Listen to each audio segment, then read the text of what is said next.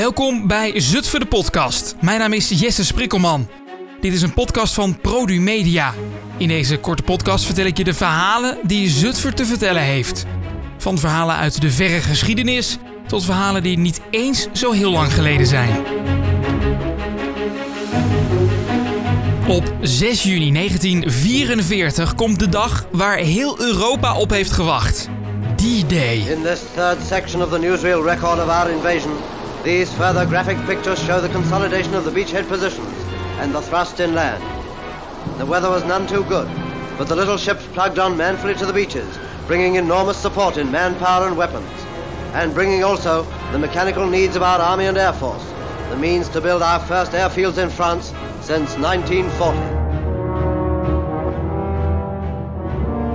Maar wij moesten toen nog eventjes wachten, want pas in september van dat jaar wordt Nederland bereikt.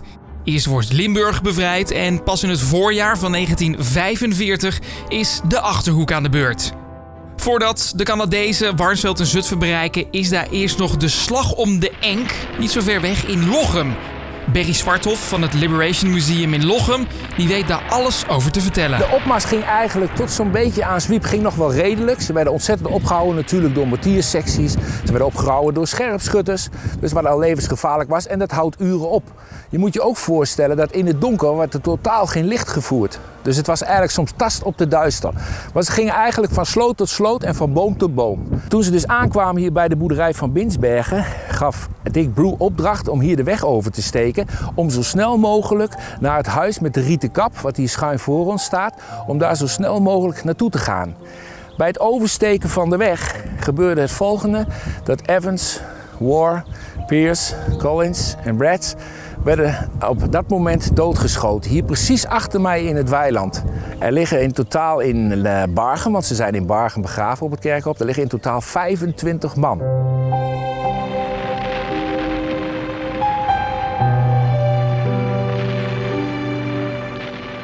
Op 2 april 1945 is Lochem bevrijd.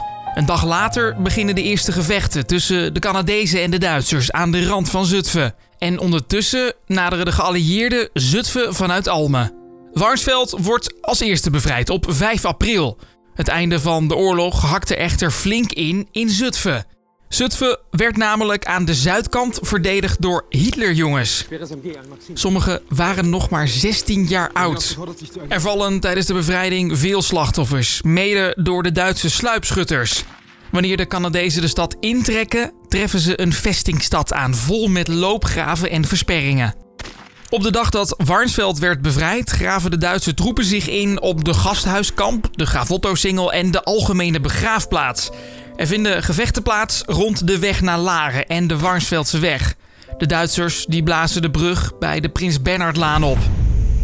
Op 6 april wordt ook de IJsselbrug opgeblazen. En er vinden geallieerde beschietingen op de Watertoren plaats.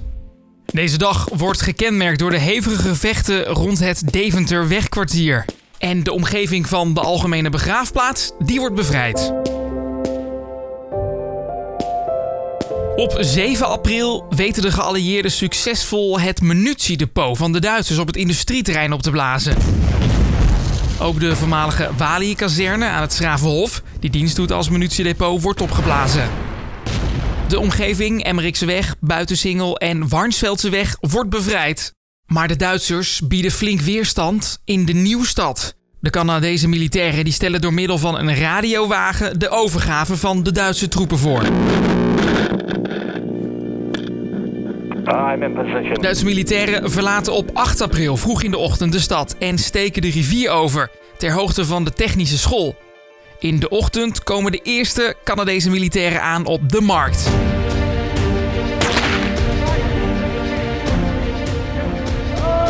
Het Schavenhof wordt ontruimd, maar overgebleven Duitse militairen blijven schieten vanuit de Wijnhuistoren.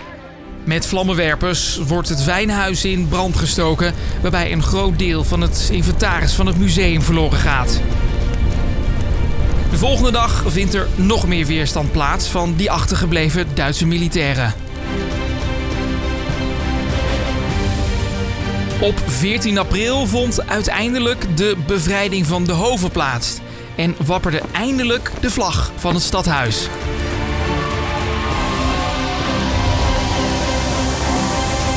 En dan is de oorlog, na vele zenuwslopende dagen, voorbij in Zutphen. En de mensen hier beginnen langzaam te wennen aan de vrijheid.